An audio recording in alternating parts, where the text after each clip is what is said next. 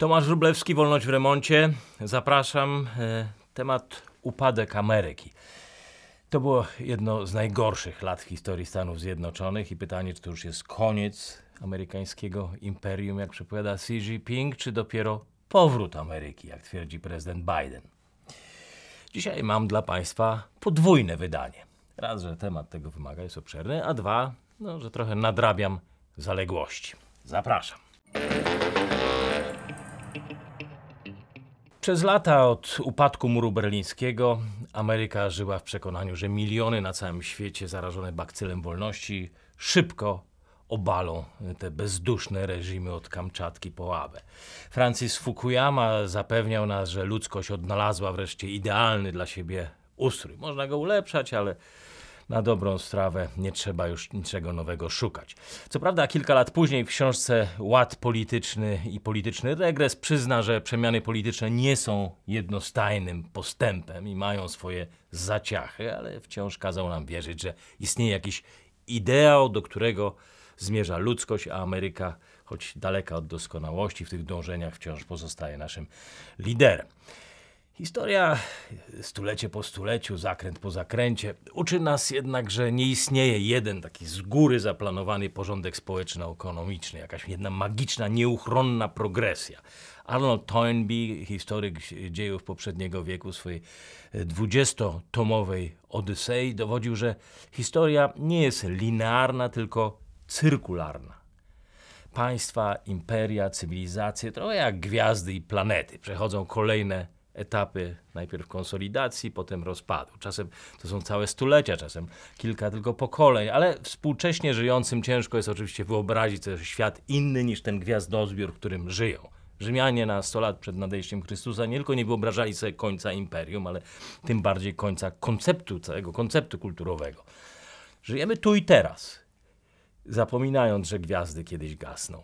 I w przeciwieństwie do progresywnych ideologów przekonanych o z góry utartym kierunku dziejów, konserwatyści, jak choćby Fredrik Hayek, od dawna rozumieli, że istoty ludzkie nigdy nie są na tyle kompetentne lub mądre, by móc przewidzieć skutki swoich działań. To jest cytat.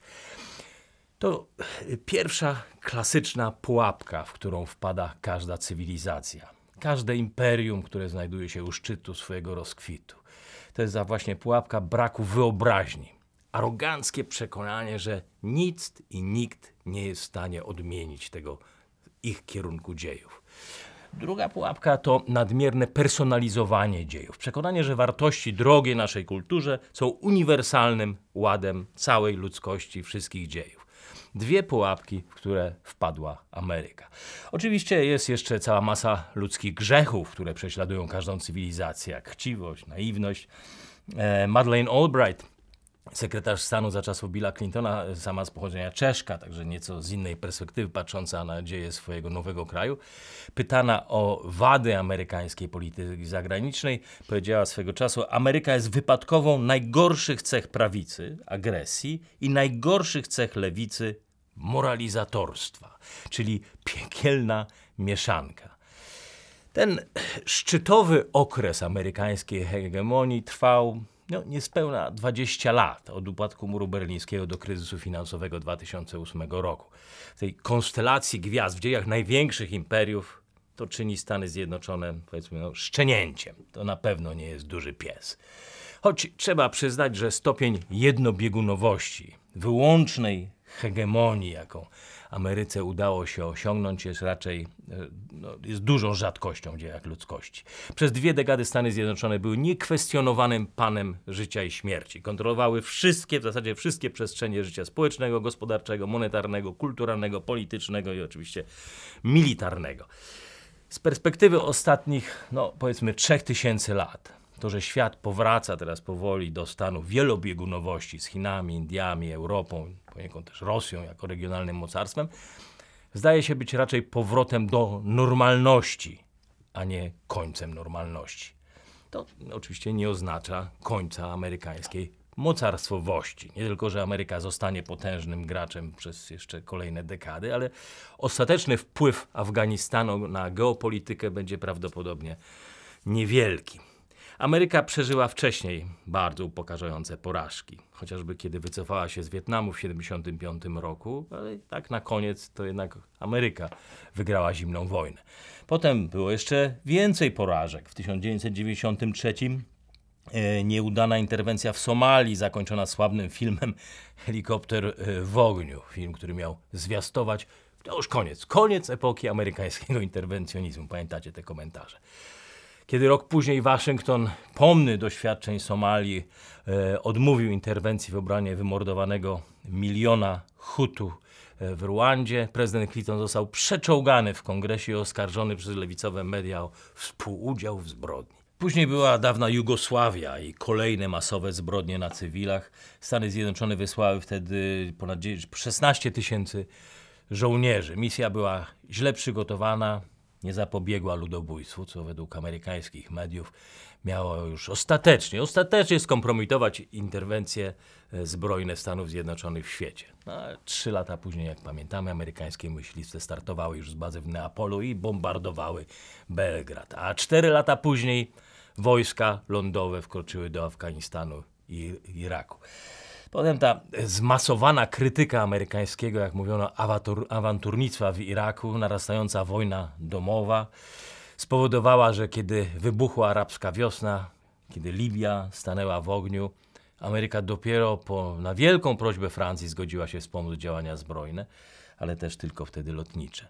Podobnie jak w przypadku Syrii, wycofanie się Stanów Zjednoczonych ściągnęło na Biały Dom Obamy falę krytyki, jak przewidywały mądre głowy. Wtedy miał to być już koniec amerykańskiej potęgi wojskowej w świecie.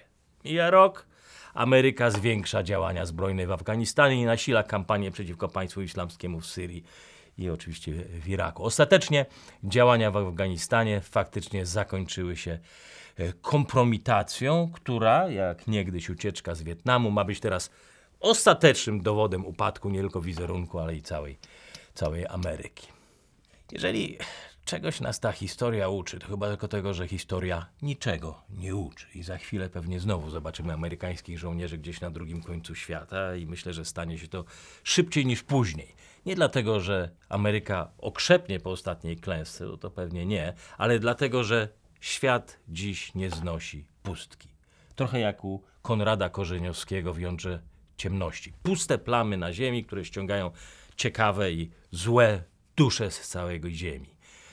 Na puste, niczyje miejsca i te kraje zabłąkane, w wielobiegunowym świecie będzie teraz jeszcze mniej miejsca niż w przeszłości.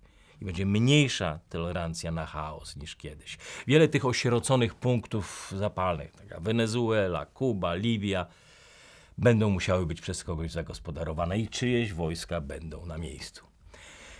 Tak jak wcześniejsze porażki Ameryki nie mogą być poczytywane jako upadek amerykańskiej mocarstwowości, tak też wygrane wojny nie były i te w przyszłości nie będą wielkim powrotem. Dryfowanie w stronie upadku, jeżeli faktycznie to już się ten proces zaczął, nie zdecyduje się w Afganistanie, Iranie czy na polskiej granicy, ale w samej Ameryce. Amerykańska mocarstwowość to jest całe mnóstwo złożonych procesów i uwarunkowań geograficznych, kulturalnych, cywilizacyjnych, ale sporo jest tu też zwykłego przypadku, o czym trzeba pamiętać, a dokładniej przypadkowego ciągu przyczynowo-skutkowego. Ameryka zapanowała nad porządkiem społeczno-ekonomicznym świata nie dlatego, że dla wszystkich była ideałem państwa. Dla większości świata zdecydowanie nie była ideałem. Ameryka była hegemonem, bo kontrolowała większość globalnych zasobów, a kontrolowała je dlatego, bo wyszła zwycięsko z zimnej wojny, przejęła schedę po zbankrutowanej Rosji i wcześniej kapitulacji maoistowskich Chin. Pewnie też nigdy nie wygrałaby zimnej wojny, a przynajmniej nie w tak spektakularnym stylu, gdyby wcześniej nie była jedynym autentycznym zwycięzcą II wojny światowej. Kiedy pół Europy leżało w gruzach, Ameryka wyszła z wojny praktycznie bez zniszczeń. Cieszyła się imponującym wzrostem demograficznym, kontrolowała większość zasobów światowego złota, które, którymi świat najpierw płacił Ameryce za broń, a później za sprzęt i maszyny do odbudowy zniszczeń wojennych. Kontrola nad złotem pozwoliła Ameryce przejąć kontrolę nad pieniądzem świata, którym stał się dolar Wcześniej, już jako oaza bezpieczeństwa, Ameryka stała się też przystanią dla największych umysłów świata.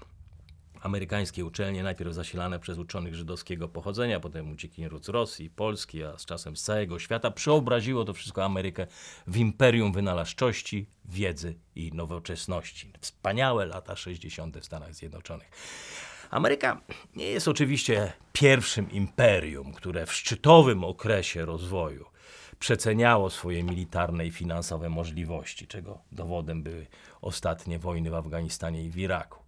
Wielu historyków przypisuje to pysze, ignorancji czy odizolowaniu, głupocie Amerykanów. No, pewnie trochę jest w tym racji, ale to samo można by powiedzieć niemal o każdym imperium w historii świata. Ernest Renan, XIX-wieczny francuski filozof w takim głośnym eseju Co to jest naród, twierdził, że istotą narodu jest to, że wszystkie jednostki mają wiele wspólnych opowieści.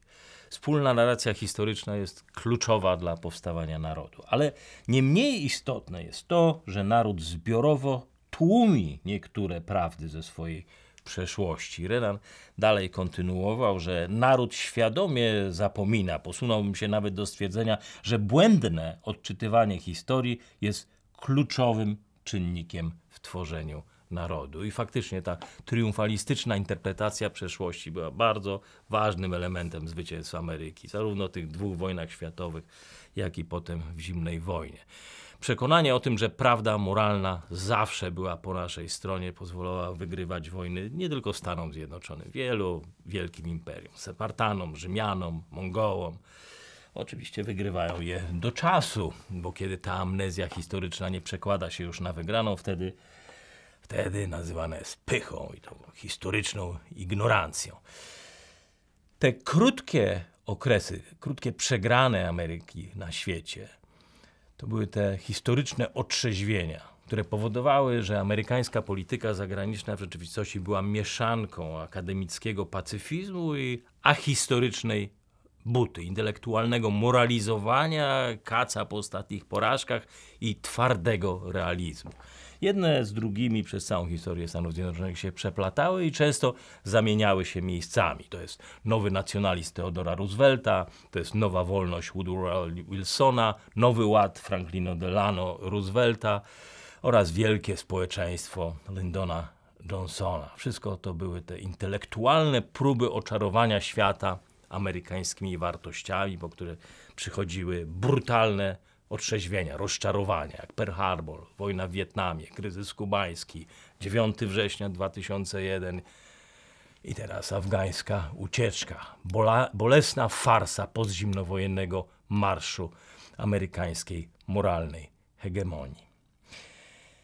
Prezydent Dwight Eisenhower w swoim ostatnim orędziu do narodu, to było w styczniu 1961 roku, wygłosił rzadką dla amerykańskich polityków przestrogę przed amerykańską wielkością, a dokładniej przed przekonaniem o amerykańskiej wieczności, kraju, który nigdy nie doznał historycznej katastrofy i narodu, który nie zna pojęcia końca swojej państwowości.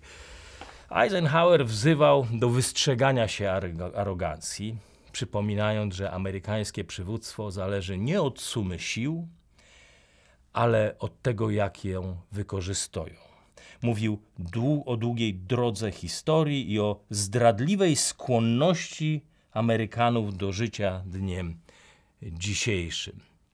Przesłanie to zyska na aktualności dopiero u schyłku amerykańskiej hegemonii.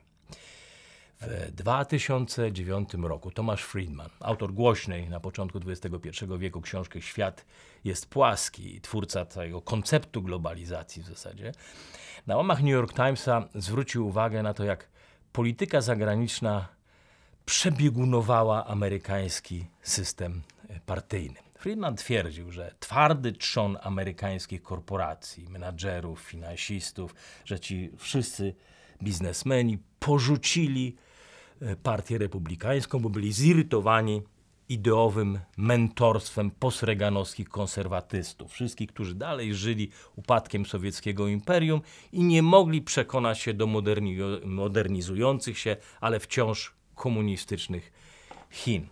E, Friedman e, pisał, potrzeba konkurowania w zglobalizowanym świecie zmusiła merytokratów, menadżerów, big corpo, big techno, by opuścili partię republikańską, pozostawiając za sobą grupę ideologicznych naiwniaków. I tak konserwatyści stali się ideologicznymi naiwniakami, a liberałowie i lewacy Partii Demokratycznej pragmatycznymi merkantylistami. To ważne zdanie. Będzie kluczowe dla zrozumienia tego, co się wydarzyło w Ameryce i teraz jak mogą potoczyć się dalej losy amerykańskiej mocarstwowości.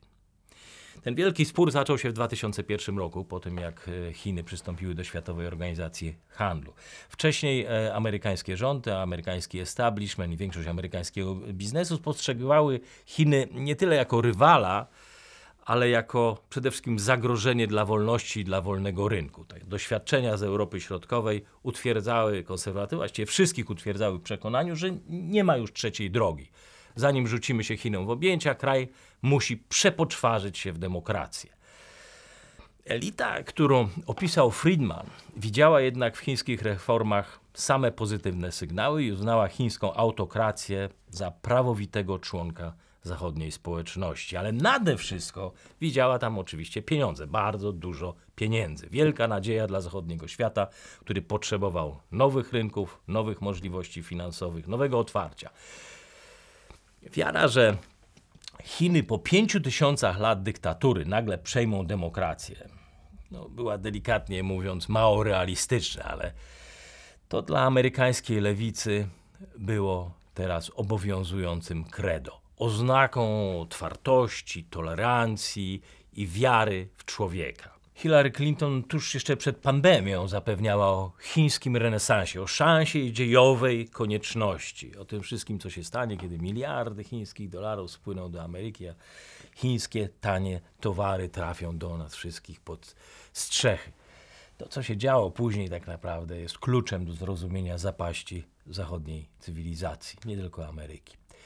Przeklęty konsumeryzm, który socjaliści zawsze wypominali kapitalistom, ostatecznie zwyciężył nad ideologią. Jak na ironię losu, to lewica wprowadziła bezduszny chiński konsumeryzm do masowej świadomości.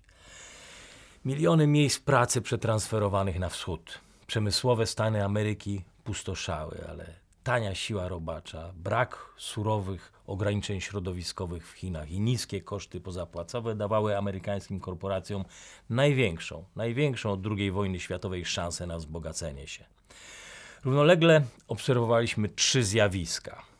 Stopniową utratę amerykańskich przewag innowacyjnych, drenaż Ameryki z dobrze płatnych miejsc pracy w przemyśle i wreszcie skorumpowanie amerykańskich elit. Wzrost gospodarczy generowany był niemal wyłącznie cięciami kosztów. Oszczędności na sili roboczej w Azji były tak ogromne, że firmy przestały już szukać nowych wynalazków, nowych technologii, koncentrowały się jedynie na innowacjach, które sprowadzały się do oszczędności w logistyce, usprawnianiu łańcuchów dostaw, przyspieszaniu produkcji. Te tak zwane innowacje pomnażały istniejące już fortuny, nie dając nic w zamian tym, którzy tracili pracę i dawny status społeczny w kraju.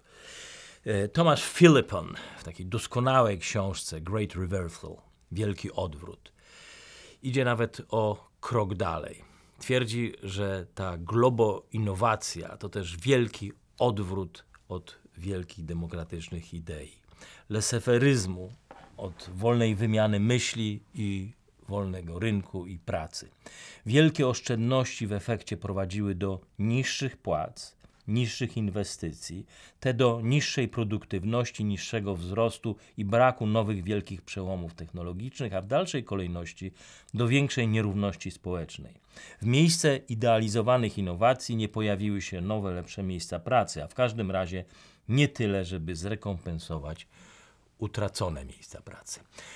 Zwrócił też uwagę na to brytyjski socjolog David Goodhart w książce Droga do, droga do gdzieś tam. Goodhart opisał świat po tej wielkiej przemianie e, i że pisał, że jak w miarę z miast i regionów przemysłowych Ameryki znikają tradycyjne miejsca pracy, obserwujemy coraz silniejsze podziały na dwie różne społeczności w ramach jednego narodu. Pisał, że coraz częściej dochodziło do starcia ludzi stąd i ludzi znikąd. Tych globalnych znikąd, mogących żyć w każdym otoczeniu, wykonywać zawody przekraczające granice państw, kultur, języków. Taki nowy gatunek człowieka zsieciowanego, żyjącego w chmurze e, i po drugiej stronie tych osadzonych w dawnej moralności, skazanych na życie tu i teraz. Andrew Michta, polskiego pochodzenia, amerykański profesor do spraw bezpieczeństwa, y, od dłuższego czasu bije na alarm w amerykańskich mediach, przestrzegając przed zaślepieniem amerykańskich elit. Pisał z kolei o takim lustrzanym odbiciu problemu ucieczki amerykańskich miejsc pracy do Chin. Pisał o tych pieniądzach, które wracają z Chin do Stanów Zjednoczonych i wykorzystywane są przez Pekin do podbijania z kolei Ameryki. Masowy napływ chińskich pieniędzy do Stanów Zjednoczonych przełożył się na niekończący się ciąg operacji wywierania wpływu nie tylko przez Instytut Konfucjusza, ale przez nasze rodzime amerykańskie ośrodki analityczne, korporacje, media i uczelnie. Od 2015 roku ponad 115 amerykańskich uczelni otrzymało od Chin ponad miliard dolarów w postaci grantów i zlecanych badań. Sam tylko Uniwersytet Stanforda otrzymał 58 milionów dolarów na badania nad e, technologią, którą Pentagon uważał za newralgiczną. Na liście amerykańskich uczonych wspieranych przez chiński rząd znalazł się cały poczet najwybitniejszych wykładowców Harvardu, Berkeley, Stanfordu i Yale. W czerwcu 2020 roku FBI aresztowało profesora Harvardu, szefa Departamentu Chemii. Okazuje się, że ukrywał dochód od chińskich sponsorów. Co miesiąc profesor dostawał ekstra 50 tysięcy dolarów wprost od partii komunistycznej i w zamian pozyskiwał innych amerykańskich uczonych, którzy mieli pracować nad projektami ważnymi dla Chin i też pomagał umieszczać chińskich doktorantów w newralgicznych ośrodkach badawczych w najlepszych amerykańskich uczelniach. Część z nich potem została potem zidentyfikowana jako uczeni w rangach oficerów chińskiego przemysłu zbrojeniowego. Taka potężna maszynka szpiegowska, tyle tylko, że już nie potrzebowała ona mikrofilmów i sympatycznego atramentu, tylko szpiedzy z tytułami naukowymi sami chłonęli wiedzę, którą potem mogli implementować w Chinach. Jak pisze profesor Michta, przekazaliśmy komunistycznym Chinom klejnoty amerykańskiej technologii przemysłu, jednocześnie niestrudzenie kształcąc chińskich naukowców i inżynierów. W 2019 roku spośród około miliona zagranicznych studentów na amerykańskich uczelniach 370 tysięcy stanowili Chińczycy. W piątym rozdziale Księcia Niccolo Machiavelli opisuje trzy możliwości, jak podbijające mocarstwo może najlepiej traktować podbite społeczeństwo. Pierwsza to jak najszybciej ich po prostu zrujnować. Druga, rządzić nimi za pomocą najętych komisarzy. I trzecia, stworzyć państwo nielicznych, ale oddanych i lojalnych, takich, co zawsze będą tobie przyjaźni. I przykładem tego ostatniego był rząd, jaki Sparta ustanowiła w Atenach po 27 latach wojny, w 404 roku przed naszą erą, Sparta wreszcie zapanowała nad Atenami. Kastą lojalnych była ateńska elita. Elita, która wcześniej już gardziła demokracją, a klęska miasta w tej wojnie peloponeskiej potwierdziła, że system Sparty musi być lepszy. Dyktatura jest lepsza od demokracji, skoro demokracja nie jest w stanie się sama obronić, zapewnić błogostanu arystokracji.